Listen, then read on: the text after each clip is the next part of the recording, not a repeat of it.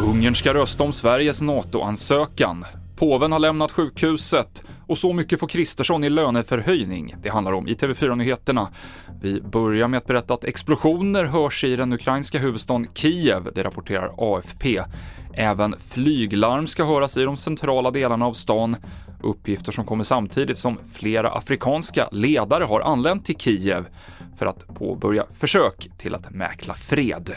USAs ambassadör i Turkiet säger att det är osannolikt att Erdogan ger grönt ljus till Sveriges NATO-ansökan tills NATO-toppmötet i Vilnius, enligt nyhetssajten Axios. Däremot så väntas Ungern rösta om Sveriges NATO-inträde senast 7 juli. Det är bara fyra dagar före mötet. Det här enligt ett dokument från Ungerns parlament som AFP har sett.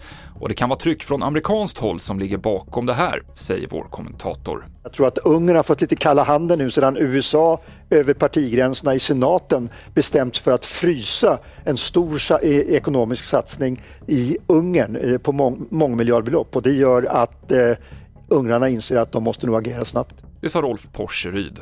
Skogsbranden i Ljusdal är fortfarande inte under kontroll, men räddningstjänsten uppger att man lyckats begränsa den. Ett 40-tal brandmän arbetar med branden och man fortsätter också att vattenbomba. Än finns det ingen prognos för när elden kan vara släckt, men tågen på Norra stambanan som har varit stoppade förbi platsen går nu som vanligt igen. Påven Franciscus har lämnat det sjukhus i Rom där han har vårdats i nio dagar efter att ha opererats för brock i buken. På bilder kan man se den 86-årige påven bli skjutsad i rullstol och han vinkade åt folkmassan som samlats. Påven har den senaste tiden haft en del hälsoproblem. Och nu i sommar så får landets ministrar tillskott i kassan. Deras löner höjs med 3,8 procent, något som innebär att Ulf Kristersson går från 184 000 till 191 000 i månaden. Övriga ministrar får drygt 5 000 mer och kommer tjäna strax över 150 000 i månaden. Detta efter ett beslut vid Statsrådsarvodesnämnden. Det avslutar TV4-nyheterna. Jag heter Mikael Klintevall.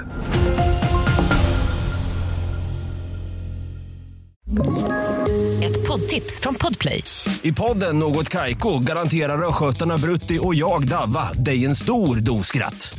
Där följer jag pladask för köttätandet igen. Man är lite som en jävla vampyr. Man har fått lite blodsmak och då måste man ha mer.